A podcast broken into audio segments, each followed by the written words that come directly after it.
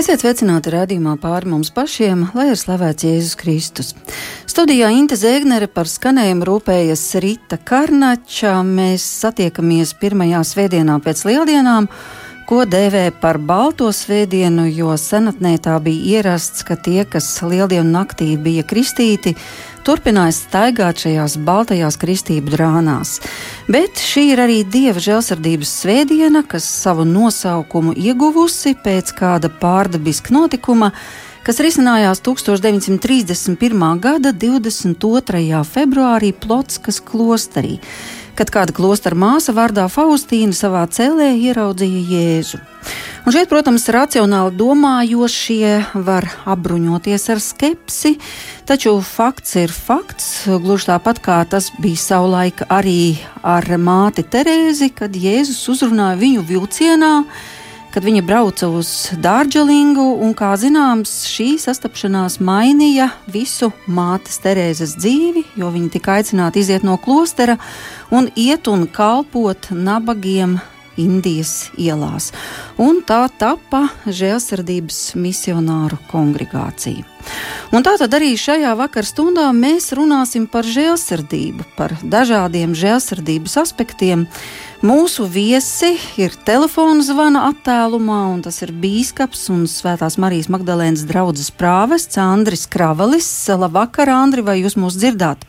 Labvakar, dzirdu. Paldies. Ļoti brīnišķīgi. Un pie otra telefona šobrīd ir jābūt Daugaupils Jēzus Svētās sirds draudzes prāvestam, Marijāņu tēvam, teoloģijas doktoram Andrim Ševelam. Labvakar! Labvakar! Tātad prieks dzirdēt arī balsi no Daugaupils. Jā, man arī e, prieks dalību šajā raidījumā. Jā, nu lūk, jautājumu ir daudz, kā izpaužas dieva žēlstība, kas par to sacīts svētajos rakstos un ko tas nozīmē mūsdienās. Bet sāksim ar šo notikumu Plotskas klosterī, kas kļuva par iemeslu arī šīs dieva žēlsirdības svētku pasludināšanas dienai, ko mēs šodien svinam. Kas tad īsti tur notika un kāpēc? Andri, priesteri Andri no Daugaupils, šādās, Jā. šādā secībā varbūt sāksim šo sarunu. Jā, e, e, vārdu sakot, e, šis, šis notikums bija ārkārtīgi svarīgs no pašas Faustīnas dzīvē, bet pēc tam arī izrādījās, ka viņš ir svarīgs visai baznīcai, jo Jēzus uzrunājot šo klosteru māsu arī viņa varēja viņu redzēt šajā vīzijā, tad izvēlējās viņu par žēlsirdības apustuli. To, kuras uzdevums ir pasludināt pasaulē, pasludināt arī cilvēkiem, kuri ir grēkos, ka Dievs ir bezgalīgi žēlsirdīgs.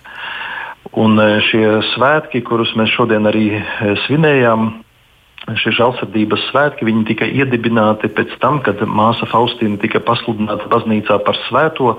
Tas notika 2000. Eh, gada 30. aprīlī. Jānis Pāvils II viņu kanonizēja, tātad pasludināja par svēto.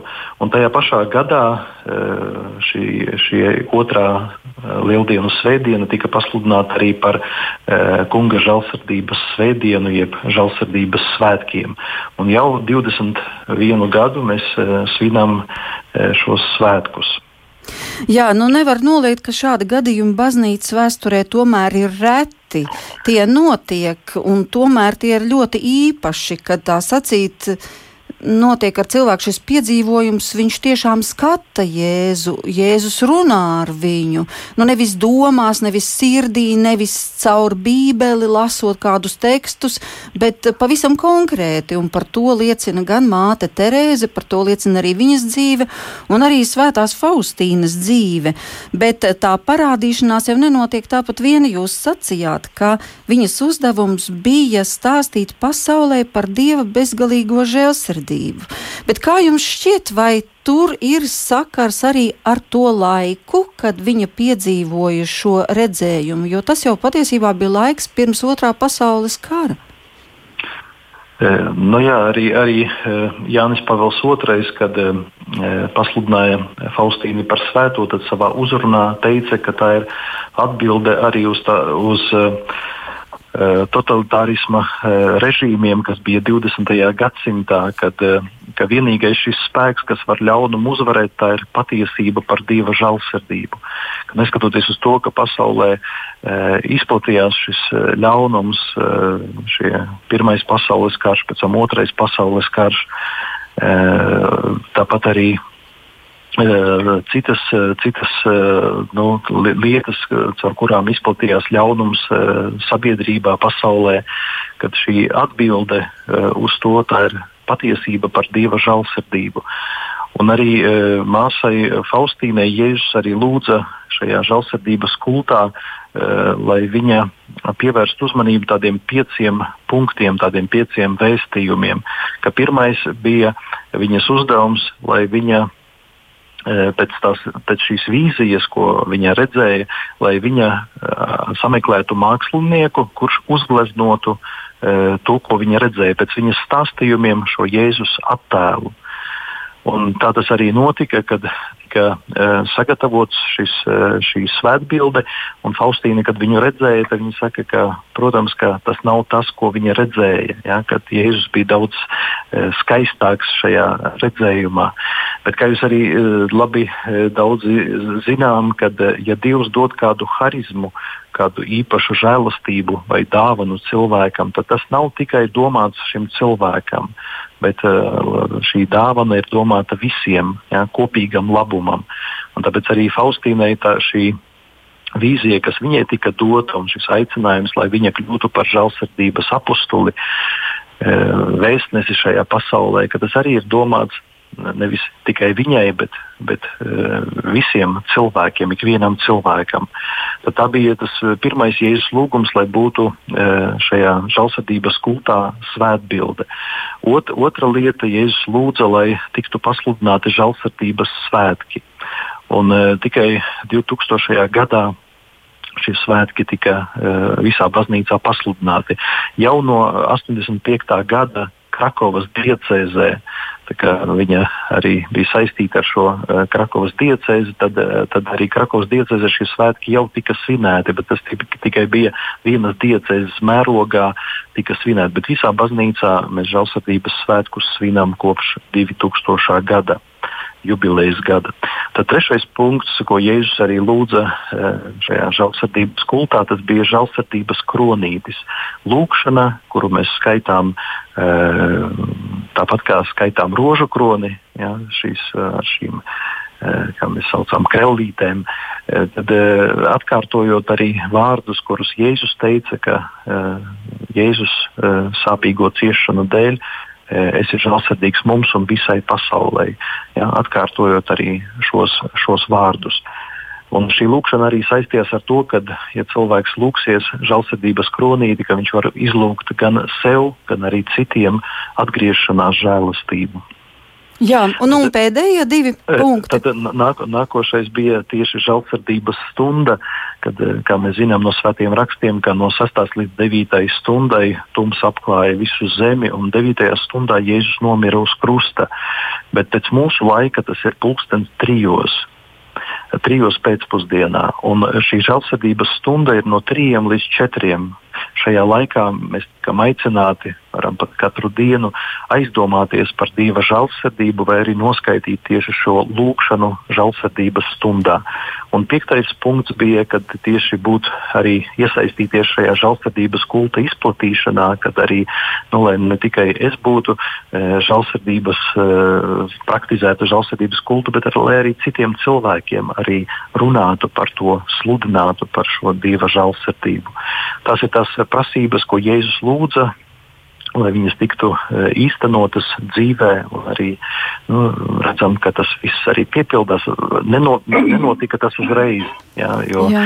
Šīs, šīs vīzijas bija pagājušā gadsimta 30. gados, pēc tam laikam kaut kādos 70. vai 60. gados viņas uh, dienas grāmata bija pat aizliegta baznīcā lasīt. Kāpēc? Pēc vēl, un pēc tam vēlāk, kad, kad uh, tika izpētīts, vai nav kaut kādi maldi, herēzijas šajā, šajā grāmatā.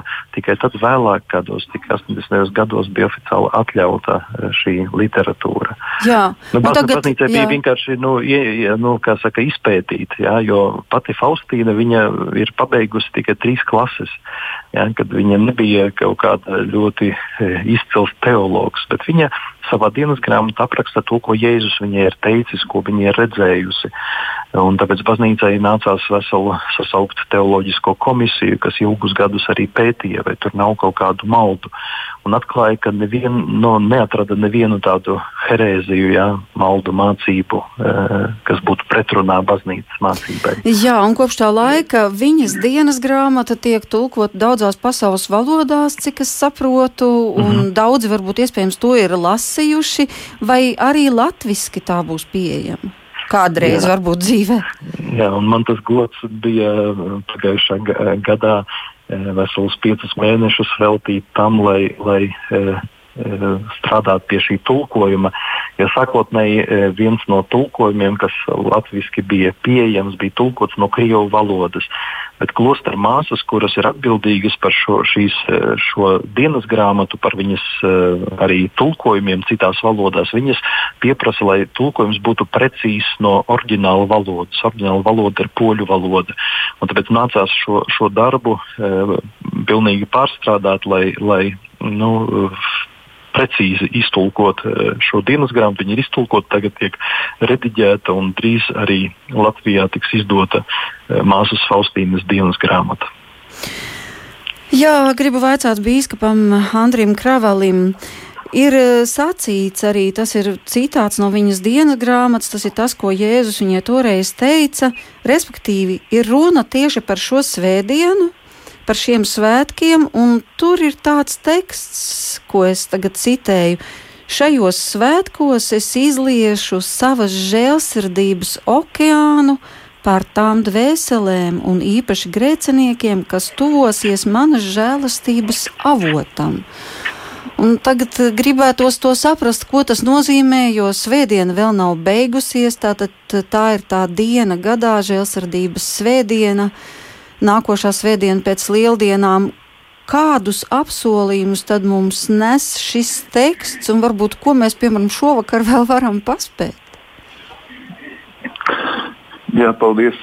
Paldies uh, Priesterim Andrim par šo skaidrojumu. Viņš jau mazliet izcēla to, ka, protams, šī žēlsirdības svētdiena ir ļoti svarīgs aspekts, bet uh, ir svarīgi, ka mēs nu, atklājam, iepazīstam Dievu kā žēlsirdīgo tēvu kā Jēzus to mums atklāja, kā baznīca cenšas arī mums to uh, darīt zinām un iepazīstināt. Un tieši kā apcerot, pārdomāt Dieva žēlsirdību mūsos ienāk gan miers, gan prieks, jo šī žēlsirdība ļoti saistīta ar grēku piedošanu, ar uh, kristību, ar atzimšanu. Un um, Pēters Andris pieminēja, to, ko Pāvils Jānis Pāvils II sacīja pagājušā gadsimtā, bija lieli satricinājumi, kari. Un uh, nāk prātā apakšļa Pāvila vārdi, tur, kur grēks vairojas, vēl daudz lielākā mērā tiek dota žēlastība. Manuprāt, uh, īpaši šajos tādos izaicinājumu pārbaudījumu laikos mums jāsaprot, ka nu, Dievam ir atbilde, Dievam ir pēdējais vārds, Viņš ir nāves uzvarētājs.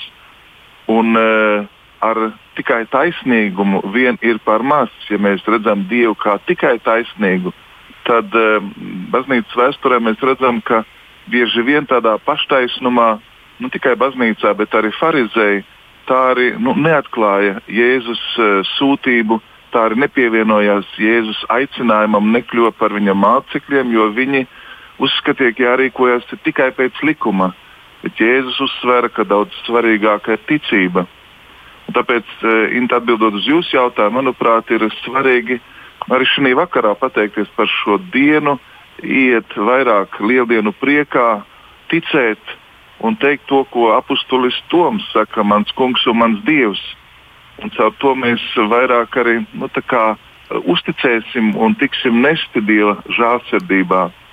Zīmīgi, ka pat Jēzus māsai Faustīnai saka, tad uz šīs atbildes, lai ir šie vārdi, Un tie ir daudzās valodās, un īpaši tas ir aizkustinoši, ka tepat kaimiņu valstī, Lietuvā, Viļņā, Pesisini žālsirdības kapelā, kur atrodas arī oriģināls dažādās valodās tiek tulkot šie vārdi Jēzu, es uzticos tev.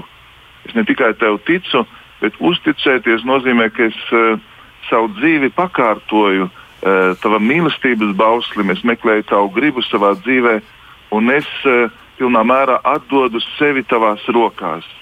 Un uh, varbūt uh, klausītājiem, ja viņi jautātu, ko vēl var darīt šī vakarā, es teiktu, mūsu draudzes mājaslapā Magdalēnas draudzē.lv ir iespēja noskatīties skaistu filmu par māsu Faustīnu. Viņa ir uh, poļu tātad, izveidota pirms dažiem gadiem, kas reizē ir gan mākslas, bet arī dokumentālā filma, lai parādītu nu, šī dieva žēlsirdības kulta attīstību baznīcā, kas nemaz nebija vienkāršs, kur uh, sākumā caur šo klostermāsu, bet vēlāk caur visā baznīcā nu, tika atklāts no jauna šis dieva žēlsirdības spēks. Un tas patiešām nes bagātīgus augļus, un mums prieks, ka izdevniecība Kala raksti, kuru pazīstam vairāk ar, ar izdevumu Mieram Tū, arī nu, pavisam drīz, tuvākajos mēnešos, šo Faustīnas grie, dienas grāmatu izdos.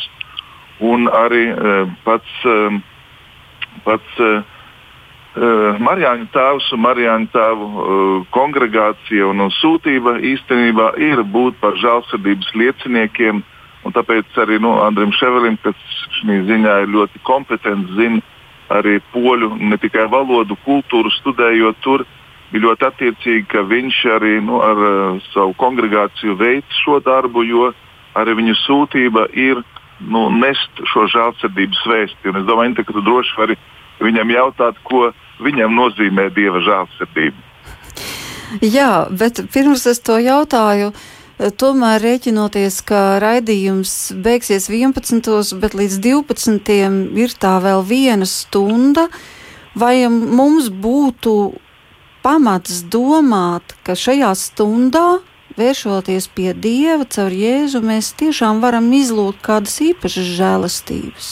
Jo es turos pie šī teksta, kas ir publicēts dienas grāmatā, kas ir arī apstiprināts, aprobēts ja, ka šajos svētkos es izliešu savas žēlsirdības okeānu pār dvēselēm, un īpaši grēciniekiem, kas tuvosies man. Nu, kurš, kurš nav grēcinieks, sāksim jau ar to, bet tā tad tas ir tāds ļoti nopietns apsolījums, vai mums ir iemesls pie tā turēties? Nenoliedzami. Arī turpinām, pats Jēzus saka, šodien, šajā dienā, tātad arī vēl šajās atlikušajās stundās, Viņš saka, ka Dieva žēlsirdības vārti ir atvērti visiem, un ka visi, kas patvērsies manā žēlsirdībā, tiks uzklausīti. Tad mēs varam lūgt ne tikai par sevi, savām ģimenēm, bet par tiem, e, kuriem ir kādi pārbaudījumi, izaicinājumi, un īpaši varbūt ticības trūkums. Un domāju, varam lūgt par šo situāciju, kurā pat labāk atrodamies, jo tā ir žēlastības stunda. Pat ja psalmis saka, Dieva žēlsirdība pastāv mūžam, tad tomēr Jēzus saista un ne par velti ir viņa izvēlēti un gribēti svētki.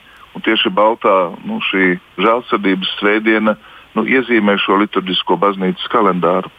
Jā. Paldies, un uh, mēs arī pēc minūtēm 15, 20 aicināsim klausītājus uz kādu brīdi uh, sazvanīt mūsu. Uh, tas būs tālrunis 6722, 888, ko aicināsim izmantot, ja jums ir kādi jautājumi. Bet pirms mēs atskaņojam dziesmu Amazing Grace, un kā mēs zinām, tā ir īpaša dziesma, ko laikam pazīst absolūti visur pasaulē ar nosaukumu Brīnišķīgā žēlastība, tad arī tā ir stāstīta, tā ir faktiski vēstījums par tādu interesantu stāstu par uh, kādu Džonu Ņūtonu, 18. gadsimts, 18. gadsimta vidū viņš ir dzimis un viņš ir bijis uz vergu tirzniecības kuģa. Tātad strādājis, pārvadājis vergus no Sierra Leones krastiem, piegādāja tā sacīt dzīvo preci Amerikas plantācijām.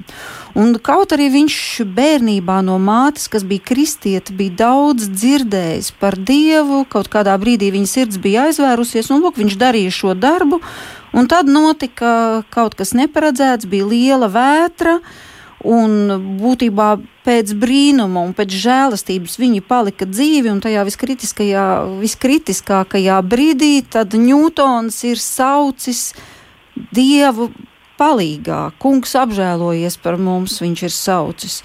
Nu, un tad, kad viņi ir veiksmīgi tikuši krastā, tad tas stāsts.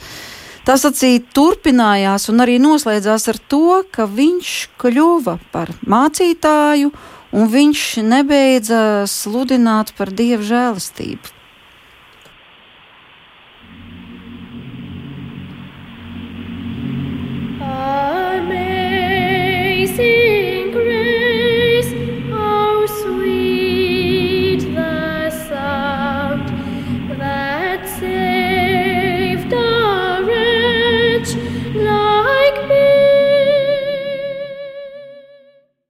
Tā Kaspars Dimitrs dziedāja mums par žēlastības jūru, bet eh, tagad ir pienācis laiks arī uzdot uh, dažus no jautājumiem. Un viens ir ārkārtīgi aizkustinošs un arī sāpīgs.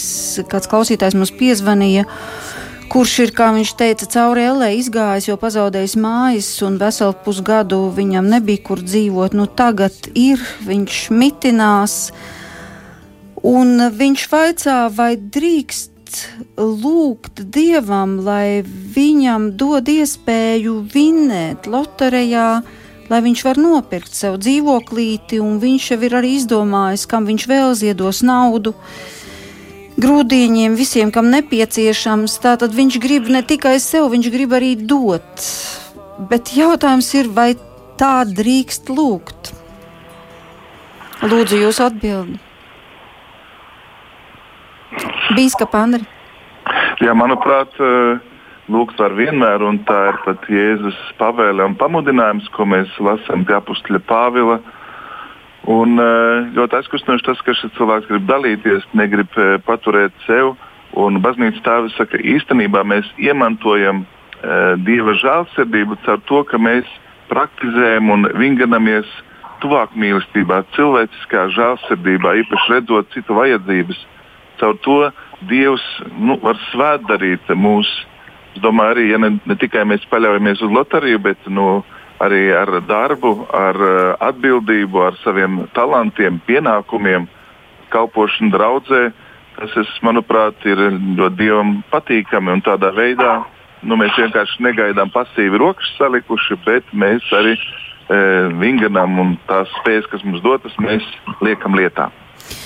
Jā, paldies, un paldies arī par šo zvanu. Un tad vēl viens jautājums ir par to, ka šodien pasaule vairāk nekā jebkad ir izslāpusi pēc pārdabiskas žēlastības. Nu, ka šobrīd ir liels un ļoti dīvains dvēseļu tuksnesis, eh, kas eh, nāk no izolācijas, no tā, ka cilvēki ir atsvešināti, ka viņiem jāsēž mājās un ka pat zaudējuši tuviniekus. Un ka tad rodas jautājums, kāpēc Dievs nav parādījis savu žēlastību īpaši? Īpaši, ja tika no visas sirds lūgts. Nu, respektīvi, vai nu kāds tuvinieks ir aizsaukts projām, vai nu kaut kur nav uzklausīta lūgšana. Es noteikti neatbildēšu Dieva vietā, bet man nāk prātā Svētā Jāņa Pāvila otrā pāvesta vārdi, kurš tieši žēlsirdības svētdienā arī aizgāja mūžībā. Tā bija kā tāda nu, apstiprinājuma zīme viņam kā žēlsirdības lieciniekam, ka viņš par uh, situāciju pasaulē saka tā, jo vairāk cilvēce nu, ļaujas sekularizācijai, jo vairāk viņa aizmirst vārdu žēlsirdība, un jo vairāk ar to viņa attālinās no dieva. Un jo vairāk mums nu, ir pienākums saukt, baznīcai sludināt, un mums arī caur dievu vārdu vairāk iepazīt dieva žēlsirdību. Jo dieva žēlsirdība nekur nav mazinājusies, tā vienmēr ir klātesoša, bet es domāju, ka mēs nevienmēr, protams, spējam uh, un uh, varam pasmelt. Mēs bieži vien esam, ja tā var teikt, aizņemti ar tik daudz lietām un nesam noliekušies pazemīgi par Dievu vārdu, lai to asimilētu un lai tas kļūtu par mūsu dzīves programmu. Un to mēs redzam šodienas uh, situācijā, redzam arī, kā likumi tiek uh, locīti un, uh, un, ja tā var teikt, interpretēti. Tāpēc uh, šeit tieši šim žēlsirdības uh, viņš vairāk kā koncepts žēlsirdības mm, klātbūtei, dievišķai realitātei būtu tik liela nozīme. Jā, un vēl noslēdzošais jautājums par to, kā lai notic tam, ka Dievs spējīgs piedot visu, arī to, ko cilvēks pats sev piedot nespēja. Nu, kā lai notic, ka tas vispār ir iespējams? Ja Andris vēl ir ēterā, priesteris, tad jā, jā, ir, jūs viņam. abi esat ēterā, jā. jā, es varbūt vēl, vēl gribētu arī papildināt bīskapu Andri, un man kaut kā klausoties šos jautājumus un atbildes nāca prātā arī, kad Jēzus pirms māca tevs mūsu lūgšanu, tad viņš saka, kad jūs lūdzaties, neesat da daļrunīgi vai daudzrunīgi kā pagāni, jo pirms jūs lūdzat, Dievs jau zina, kas jums ir vajadzīgs. Jā, tas nozīmē, ka nu, Dievs atbild vienmēr uz mūsu lūgšanām, bet atbild savā laikā un savā veidā. Jā, tas nenotiek tā, kā mēs to gribam, bet uh, notiek tā, kā Dievs to vēlas. Dievs dod, bet savā laikā un uh, tā, kā Viņš to vēlas. Un tāpēc arī katru kristīgu lūgšanu labi ir noslēgt ar vārdiem: Kungs, ne mana, bet tava griba, lai notiek. Jā? Jo es varbūt tā gribētu, bet kāda ir tava griba attiecībā uz manu dzīvi? Ja, tādā veidā arī lūgt. Bet eh, šis laiks. Arī, protams, ka eh, daudziem cilvēkiem tas arī tāds, nu, teiksim, eh, visiem laikam tas ir izaicinājuma laiks, kad var arī izdzīvot tādas tā saucamās rekolekcijas eh, ikdienā, eh, piedzīvojot tādu savu veidu izolāciju, kad arī var cilvēks saņemt ļoti daudz nu, žēlastības šajā laikā. Jo Dievs nav ierobežots žēlastību dāvāšanā. Un daudzas lietas arī labas notiek arī tagad, šajā pandēmijas laikā. Uh, ka daudzi cilvēki arī gan, gan caur interneta starpniecību arī var piedalīties gan dievkalpojumos. Daudzi tur vairākos dievkalpojumos dienā pat piedalās, ne tikai svētdienās klausās arī daudzas konferences, kaut kādas uzrunas, ja, kas arī lasa svētos rakstus, kas viņus arī garīgi bagātina.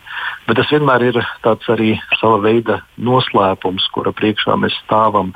Jo uh, atceros arī vienu garīdznieku, kurš stāstīja, ka apmeklējot um, uh, mājas vizītēs, ja, bija, kad izvēlējās kaimiņos dzīvoja divas sievietes, kurām abām bija nomiruši vīri. Un viena no tām sievietēm saka, man nesen nomira vīrs, un es pārstāju ticēt dievam, jo Dievs man atņēma e, man ļoti dārgu mīļu cilvēku. Es vairs neeju uz baznīcu, neticu dievam.